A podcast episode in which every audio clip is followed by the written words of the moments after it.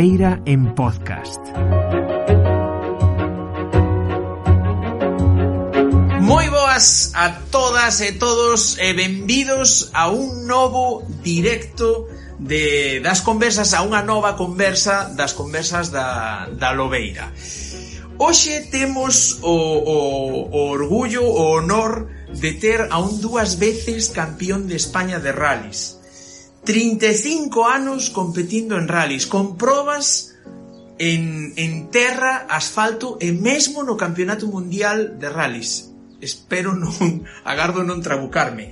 Eh, non é nada máis e nada menos que Sergio Vallejo. E eh, imos eh, convidalo a pasar, vou saludando por aquí, vou saludando por alá Benvidas e benvidos todas e todos. Imos aló. Moi boas, Sergio Hola. Vallejo. Benvido a Lubeira Today.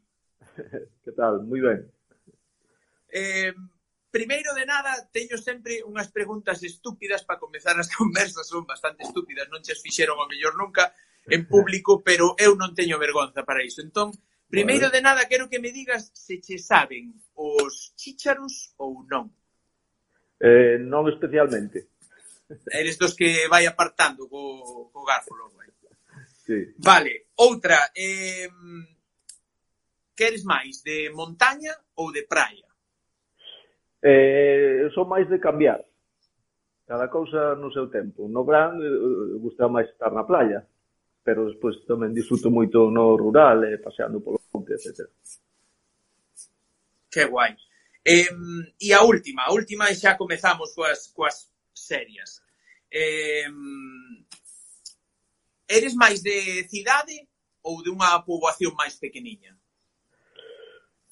Pois mira, vivín en Meira hasta os eh, 23 anos e agora vivo en Lugo. Eh, non sabría dicirche, casi me gusta máis eh, vivir en Meira. O que pasa que, bueno, pois pola familia, por, por circunstancias da vida, pois eh, adapteime tamén a vivir na cidade, o sea que... Sí, que remedio, non? Tamén. Eso, non me quedou... ben, eh, cando, cando te descubriches que, que lembres ti, vale? Cando te descubriches como un amante do motor? Pois mira, tiñamos eh, compraventa de coches en, en Meira, entón desde que teño uso de razón eu estuve entre coches entonces eh, desde pequeno me, me gustaban e moi pronto meu pai levou-nos a ver eh, o Rally San Froilán, en fin, as, as carreiras que había cerca de, de Galicia. O meu pai nunca correu, pero sempre tuvo a ilusión de correr. Entonces eh, recordo o primeiro rally que vi, e cando vin os primeiros coches, tuve en claro que eu quería facer eso. Non sabía como, porque a verdade é que pensaba que casi que era como un soño inalcanzable, Pero bueno, con ilusión, ganas, eh, tamén axuda meu pai ao principio e tal, pois puiden empezar. Sí, porque teño escoitado a túa, a túa anécdota esta da gincana, no? Que, sí. que mentras túa nai che botaba a racha e tal, teu pai estaba todo todo fachendoso, no? Sí, sí, sí. Sí, porque daquela facíase moito eso, as gincanas, que eran máis unhas probas de habilidade que outra cousa, como o nome indica gincana, non? Eh, pero podíase participar sin carnet, que se facían nas festas dos pueblos e tal. Entón, bueno, escapámonos con meus primos de México e, e fun a correr a Moimenta e tuve unha mala sorte, entre comillas, de ganar, entón enteráronse meus pais e sobre todo miña nai colleu un bosqueo importante. Meu pai non tanto, como ben diz, eh, meu pai como sempre lle gustaron os coches e tal, pois pues, estaba creo que incluso orgulloso. Fachenda pura, non? Uh -huh. Cale, entón, lembras, lembras por casualidade o rally que foi o primeiro rally que fuche co teu pai? Sí. Eh, sí, fo, bueno, foi unha subida ao verado, que é unha especie de, de é unha subida a montaña, pero moi cortiña, que son 4 kilómetros máis ou menos o Alentejo. E era a subida ao verado, moi cerquiña de Lugo, no, en, en Gombreiro. E acórdome, pues, non sei a edade que tiña, que recordo moi vagamente, pero recordo que Diego era moi moi neno, Diego igual tiña tres anos ou catro, o sea, que eu tería nove ou dez. E a galiña en pel xa, non? Sí, sí, sí, aí. A máis meu pai, por o tema da compra-venta de coches, conocía algún piloto dos que corrían, estuve ali falando con eles, eu miraba os como dioses, entonces, eh, imagínate. Sí, sí. Eh, gustoume moito o proxecto que fixeche durante a cuarentena, o de ir sacando fotos antigas ou anacos de vídeos e ir comentando, no, na, na, no Instagram, sí. comentar toda a historia das fotos e tal, facer unha especie de fotos fotos faladas, no, basicamente. Eh, sí. con cal con cal en especial botachas máis a cabeza e dixeche, Dios, que tempos. pois non sabría decirche. Eh, eu que sei, porque son tantos anos nas, nas carreiras e tantas cousas, me veo moi ben para refrescar a memoria, recordar todos os tempos que non é que foran millores ni peores, pero cando tiñas tanta ilusión e eu sempre digo que, que eu teño máis experiencia de perder que de gañar. O que pasa que cando gañas, pois quedache... Eso recordo todo o mundo, non? Pero teño moitas experiencias boas de, de rallies que foron malos ou un desastre, pero, sin embargo, que aprendí moito neles, así que eu que sei.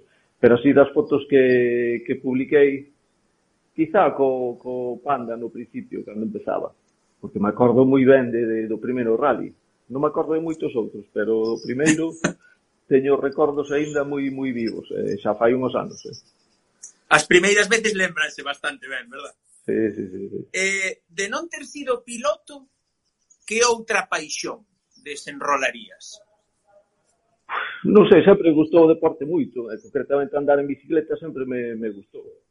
Eh, imagino que, que competiría algo en, en ciclismo, non o sei, porque nunca tuve tampouco esa pasión como, como polo automobilismo. Non?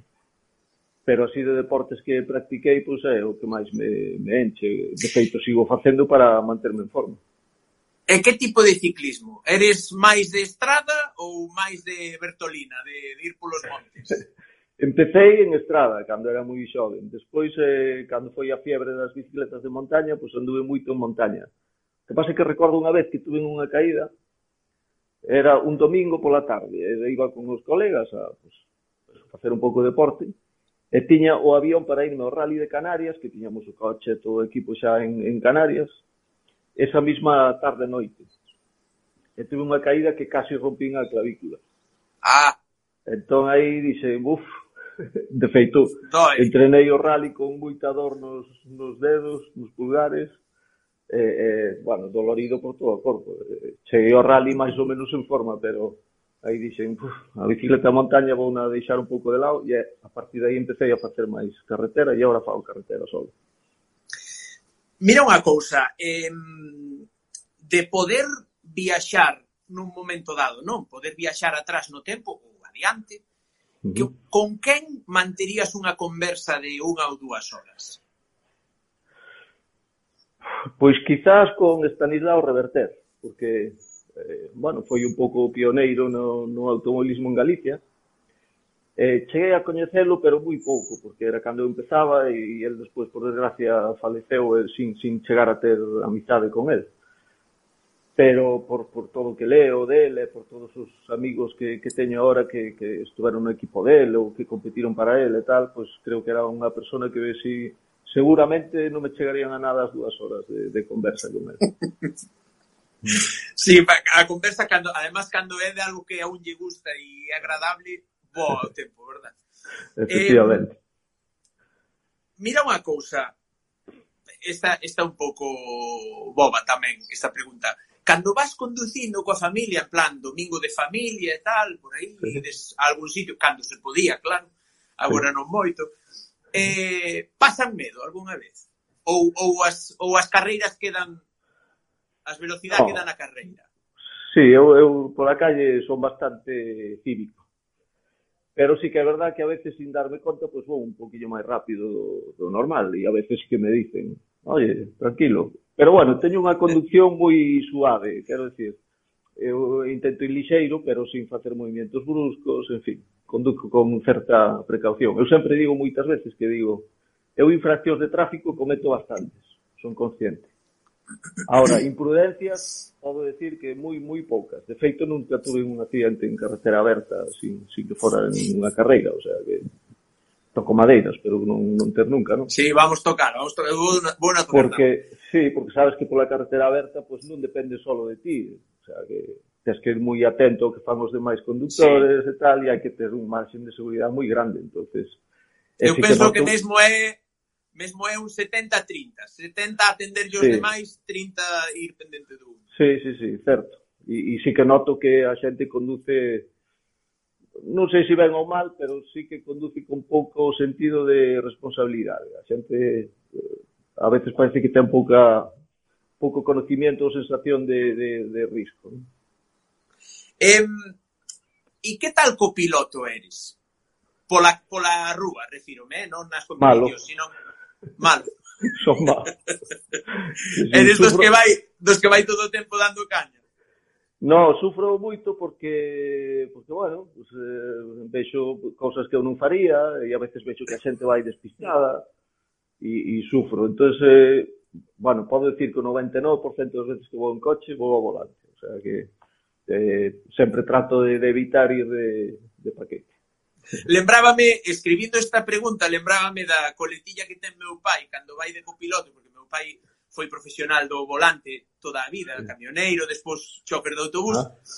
e, e lembrome sempre, cada vez que o levo ao lado, eh, dime sempre a frase de cuidado que poden estar aí diante.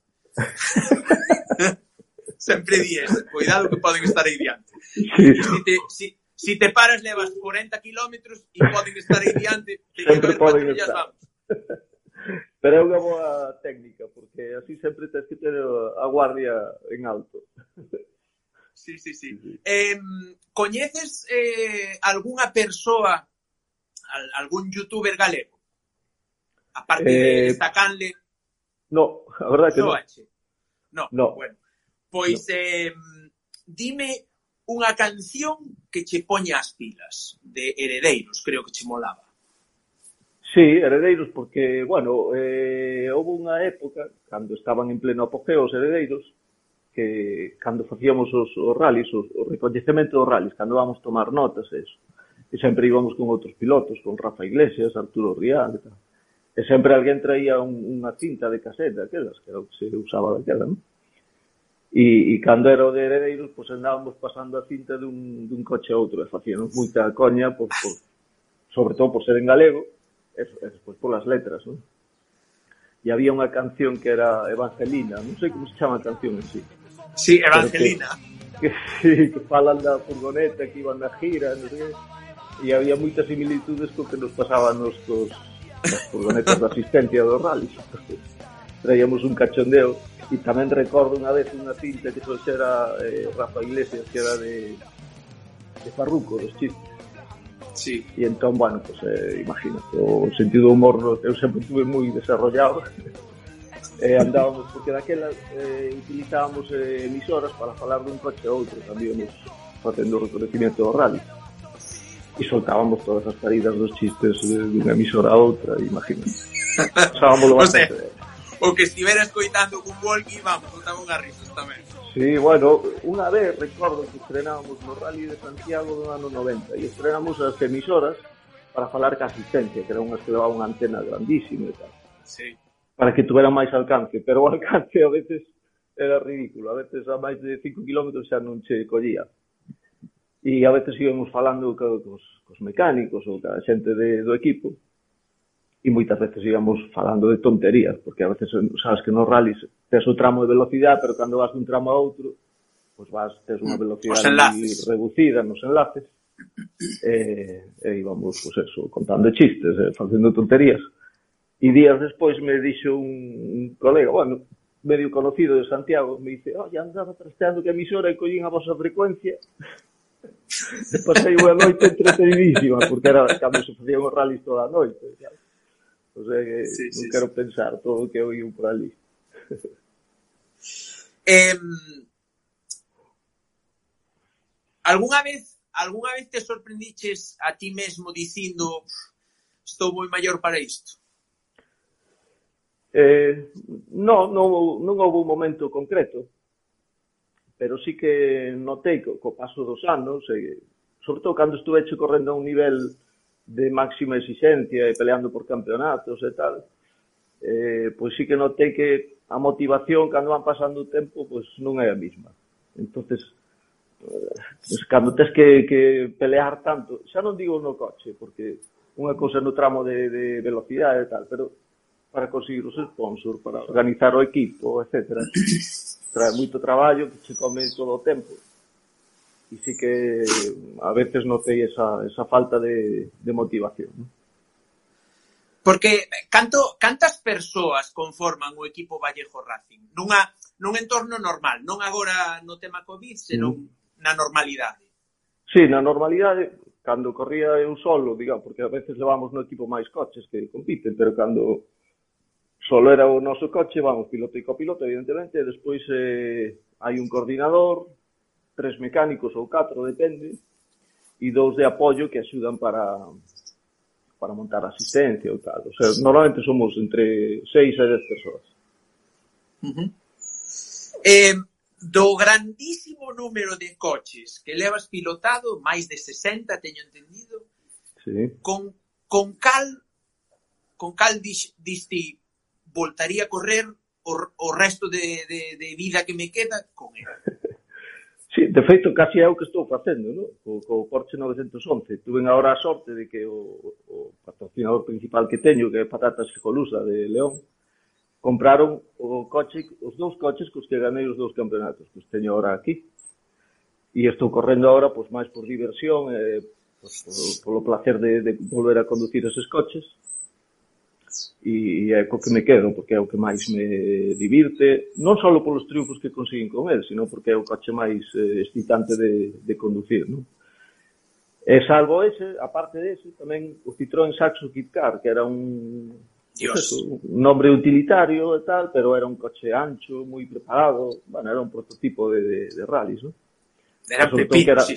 Sí, era moi lixeiro, e, e facíamos uns tempos con el, fixemos algunha vez scratch en, o seu mellor tempo en algún tramo con ese, con ese chisme. ¿no? E ese sí que tamén me gustaría de, volver a pilotar. E de cal tes peores lembranzas, Sergio? Peores, eh, ah, deixa de pensar. bueno, quizá o, o DS3, que corrín con el no 2016 e 17 Mais que nada porque ainda estou acabando de pagar algunha letra de, de, de esa temporada, o sea que, ufa, eh, mal mal porque foi non só polo coche en sí tamén, pero íbamos moi xustos de presupuesto e fallaron, falloume moita xente de cos que contaba con, con un apoio e que despois non foi así e cando corres presionado polo presuposto e que sabes que non podes ter un accidente e tal, sufres, porque non sí. realmente non eres ti mismo. Eh, a ver, que me perdín que perdíme, teño aquí tan pequeniño isto. Eh, cal coche che queda por probar? Si é que queda algún que non probaras e que quixeras probar? Eh, gustaríame probar eh, dous tipos de coches. Primeiro, os grupo B, de cando eu empezaba a correr, que eran Yo... os coches que ganaban no Mundial de Rallys. E eh, gustaríame probar un Audi S1, aquel que tiña uns aleróns e tal. Porque era potencia bruta, Ahora cando os ves, ves que van lentos, pero eh, eran con moita, poten moita potencia, pero os neumáticos ou as suspensións e todo eso, pues era... Era o que era. Estaba, estaba moi por debaixo da potencia. e logo tamén os World Rally Car de hoxe en día. Que eh, hoxe os que están correndo o Mundial de Rally son aparatos que van realmente rápido. Sí, sí que me gustaría probar algúns desos, pero non, non tuve unha oportunidade. Que guai. Eh, ben, teño por aquí apuntado a ver que me vuelva a topar, joder, tamén. Eh, eh, como pinta como pinta a actual tempada de rallies para o Vallejo Racing?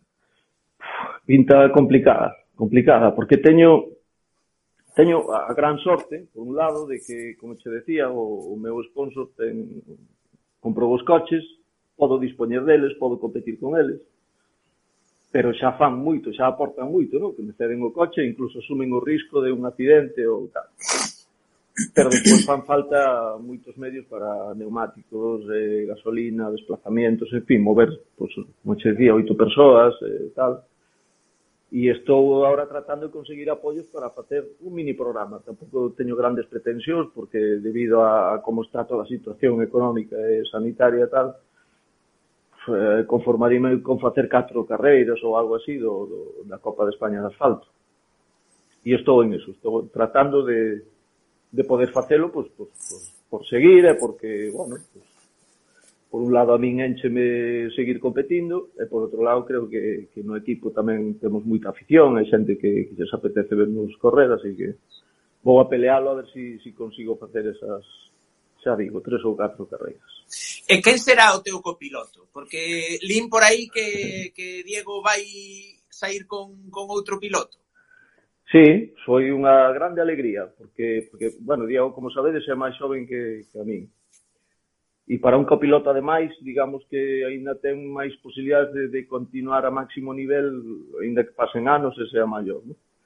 E entón Diego estaba en un momento que non, pois pues claro, non tiña pois esa posibilidade, non? De estar cun piloto punteiro e estar gañando e tal. Entón foi unha alegría enorme Eso sobre todo a nivel deportivo por, por Diego, porque creo que está capacitado para correr ao máximo nivel incluso no Mundial de Rallys. E a oportunidade de ir con Pepe López creo que é unha oportunidade moi grande.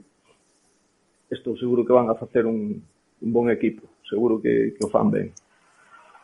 Así que, bueno, eh, contento, xa che digo, no aspecto deportivo, pero tamén no aspecto empresarial, porque eh, bueno, a empresa que temos que, que damos servicio de, pues eso, de coches de carreiras, eh, cursos de conducción, etcétera, e agora estamos eh, sufrindo. Entonces, pois pues así por lo menos Diego ten un, unha fonte de ingresos máis máis continua e segura porque se nos estaba facendo moi costa arriba manter a empresa.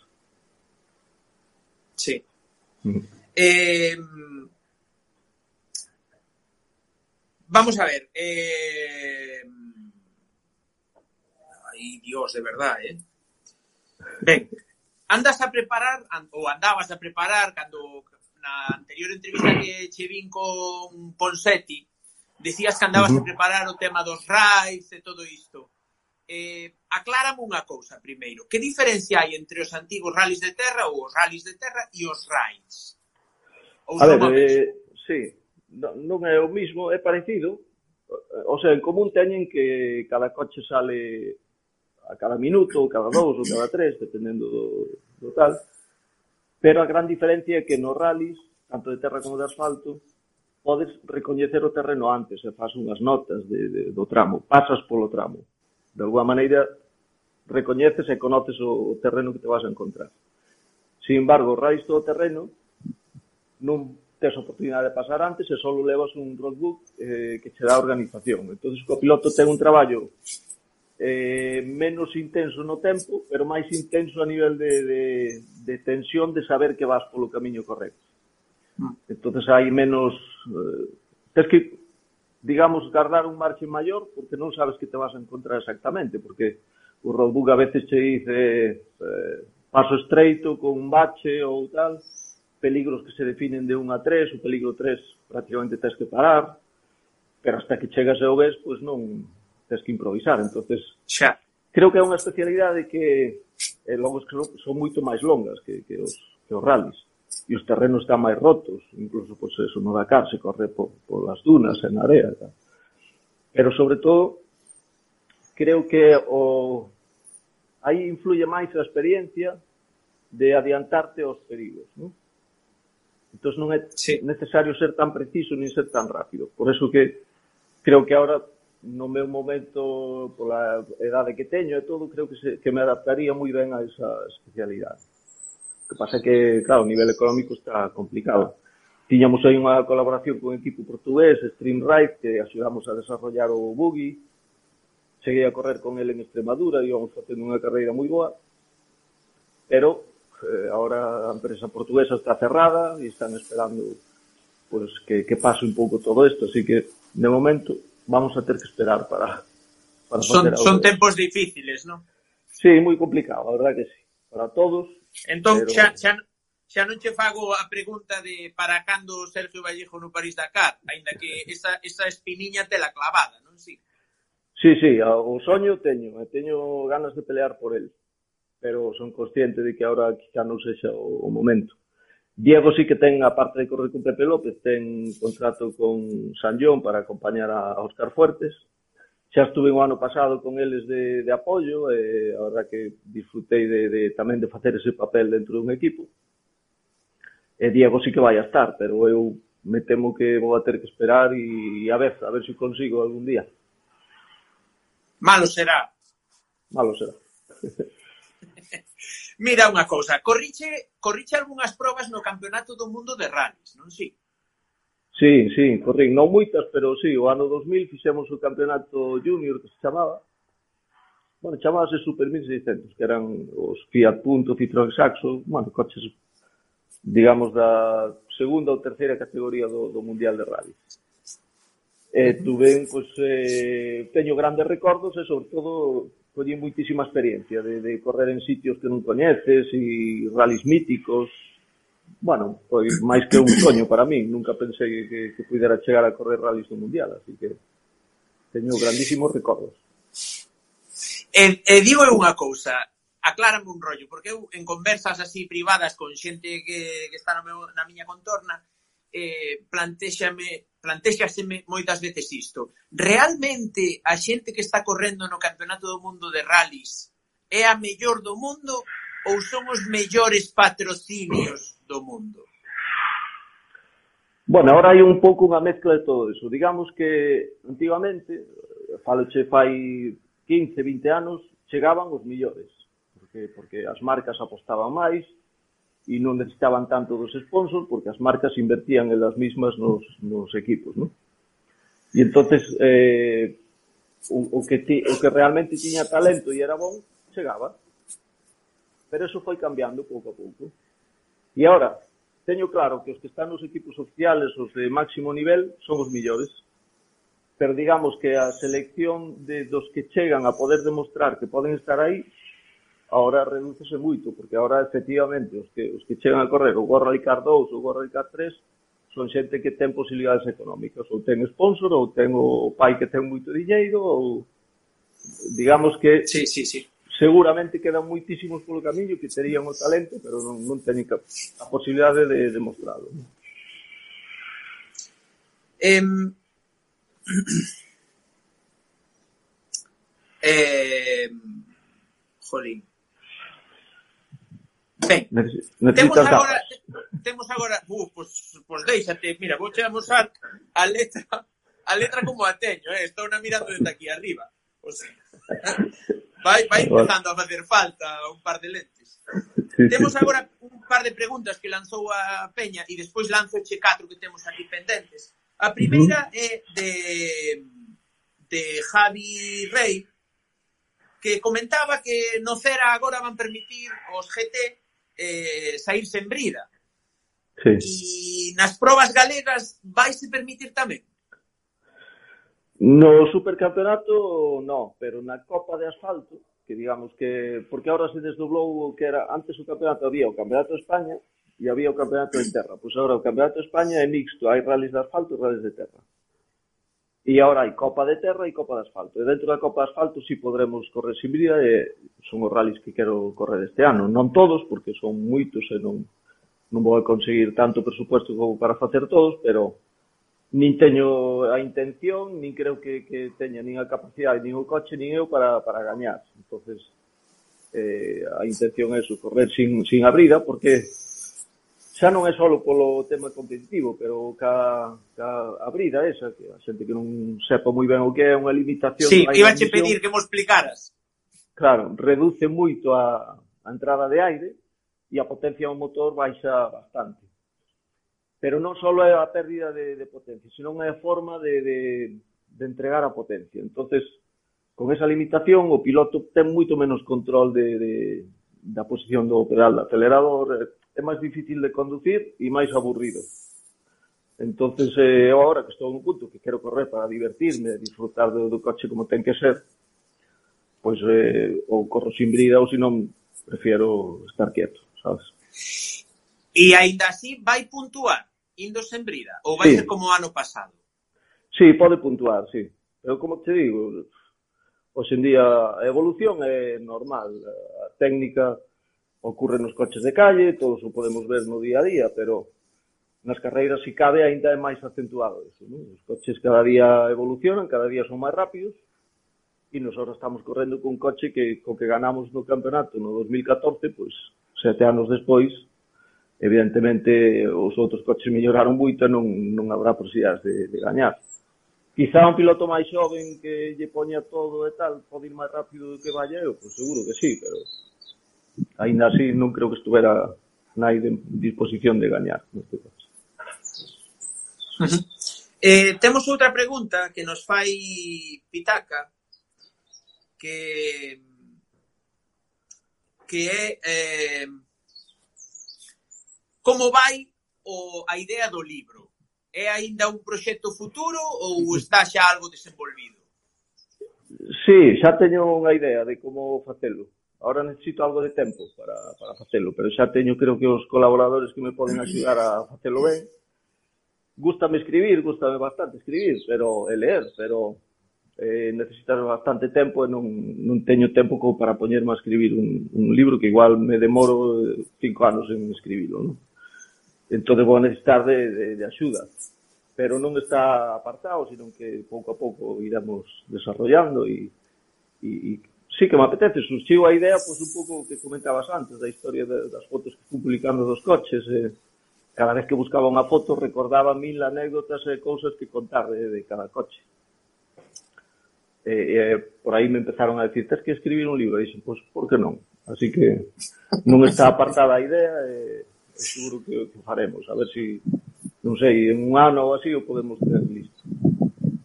Vouche lanzar agora unhas preguntas que fixeron por aquí. Uh -huh. eh, eh, que non che fixera eu xa, claro. Eh, vamos a ver.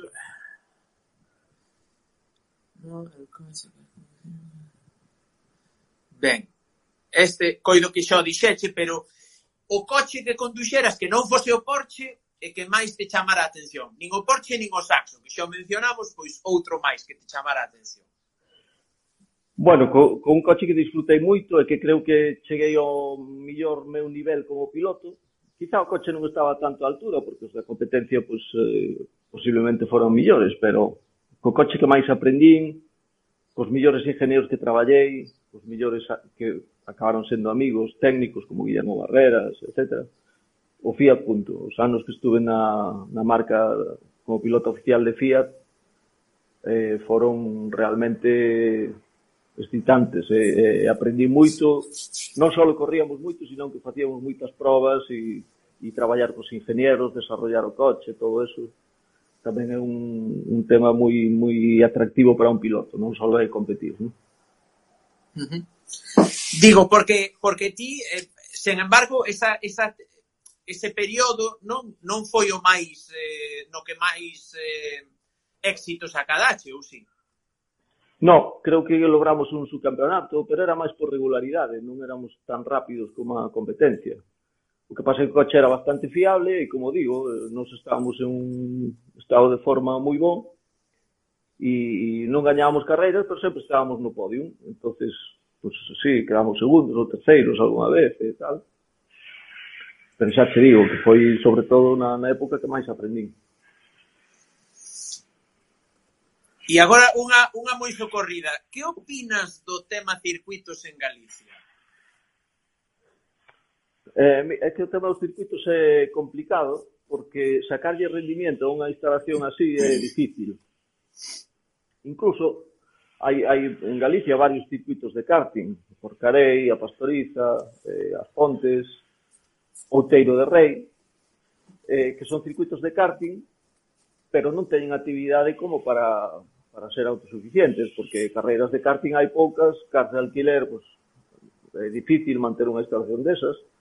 Ten moitísimo mérito que fai o, o Racing Car de, de Sanxenxo, que son especificamente de alquiler. Pero fora deso é moi difícil que unha instalación se, se manteña. Nos, ademais, eh, sabes que temos a escola de, de conducción e temos realmente problemas para ter instalacións onde facer eso.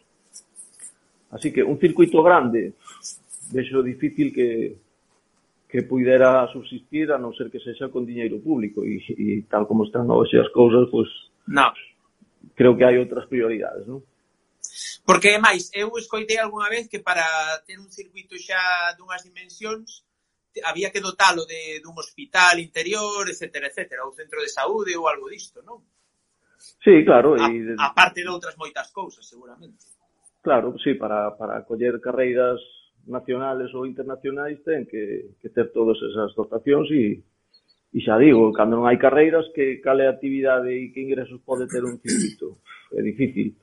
Porque, por exemplo, Xarama hai poucas competicións, internacionais ninguna, pero creo que de camións hai unha carreira, tal, pero eh, despois o que si fan é moito formación, cursos de conducción, conducción segura, etcétera e non sei un pouco no que estamos intentando, porque incluso o circuito de Outeiro e Rei que temos aquí ao lado, colaboramos moito en facer a reforma e poñelo a funcionar e incluso a Xunta apoiou con a subvención e a día de hoy estamos pendentes que nos permitan facer aí a nosa labor de, de, de formación, que aparte creo que é un algo super importante, porque estamos facendo moitos cursos na Academia Galega de Seguridade para guardias civiles, policías e tal pero porque non o pode facer eso todo o mundo que queira, non?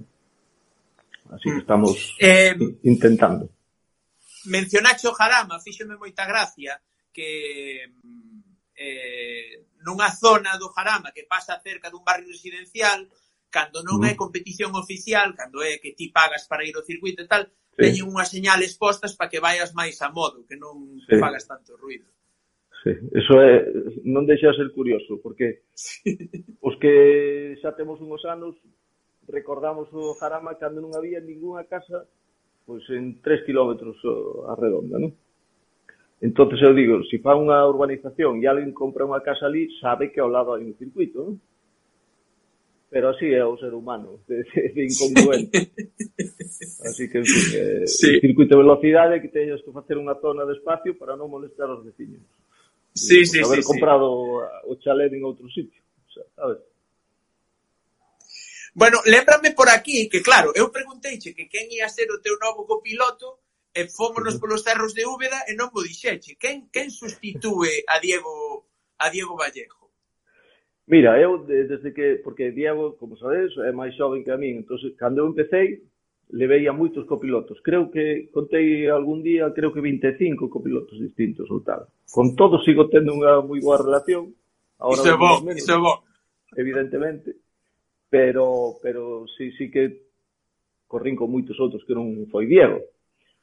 Co que máis éxitos conseguín sin ser Diego, con Mario González Tomé, con Moncho López, Álvaro Louro, e agora pois, eh, algún desos tres será, porque, eh, en fin, eu vou facer un programa moi reducido de tres ou catro carreiras, pois evidentemente non lle vou dicir a Moncho López que deixe de correr con un campeonato completo con outro piloto ou a Mario.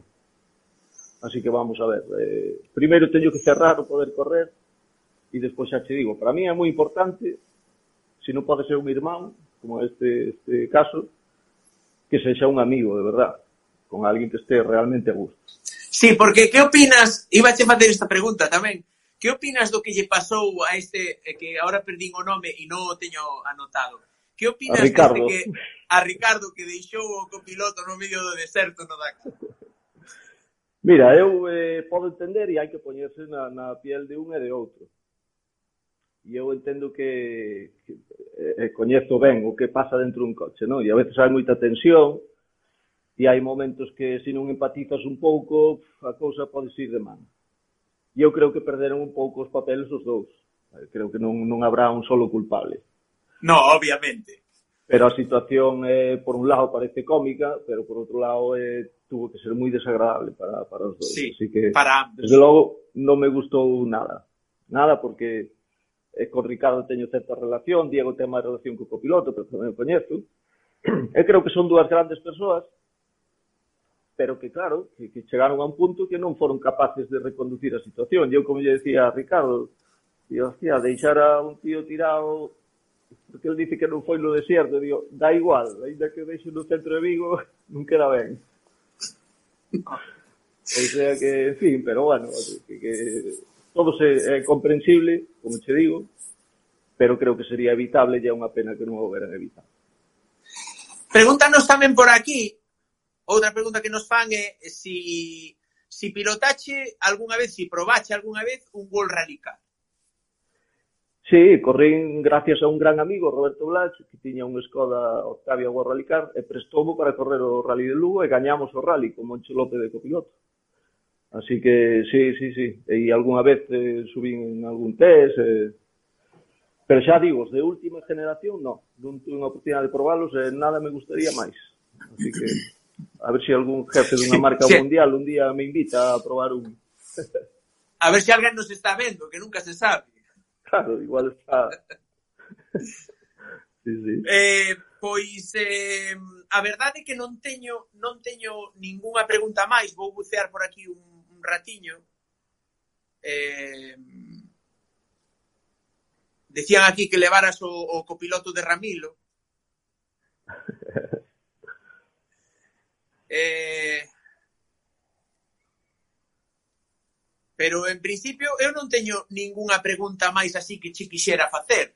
Queres contarme algo máis? Ou preguntarme ti algo a mí tamén? No, pues non teño nada especial. Eh, son un tío máis de escoitar que de falar. Gusta moito escoitar, pero... así que se si tú non me tiras da lengua, eh, prefiero escoitar a outros. Nada, nada máis, eu que sei. Foi moi entretenida a conversa contigo, así que... Pois igualmente, Sergio Vallejo, un placer, un orgullo, un honor terte aquí na Lobeira, un éxito, polo que vexo, porque sobrepasamos os 100 sí. os 100, as 100 persoas nalgún momento vendo esta conversa e uh -huh. nada máis, agradecerche eh, o, o ter atendido a nosa chamada darche nada. moitísimas grazas por iso e, e nada máis. Es, es benvido cada vez que queiras vir por aquí. Bueno, pues nada, cando queiras xa sabes, podes contar comigo. vale? Moi ben. Veña, Veña, moitas grazas. Gracias a ti. E a vos, nada máis. Eh, os que vindes novos por aquí, lembrade, premer no botón de seguir aí para máis conversas deste tipo ou doutro tipo, E nada máis. Vémonos noutra e apertas.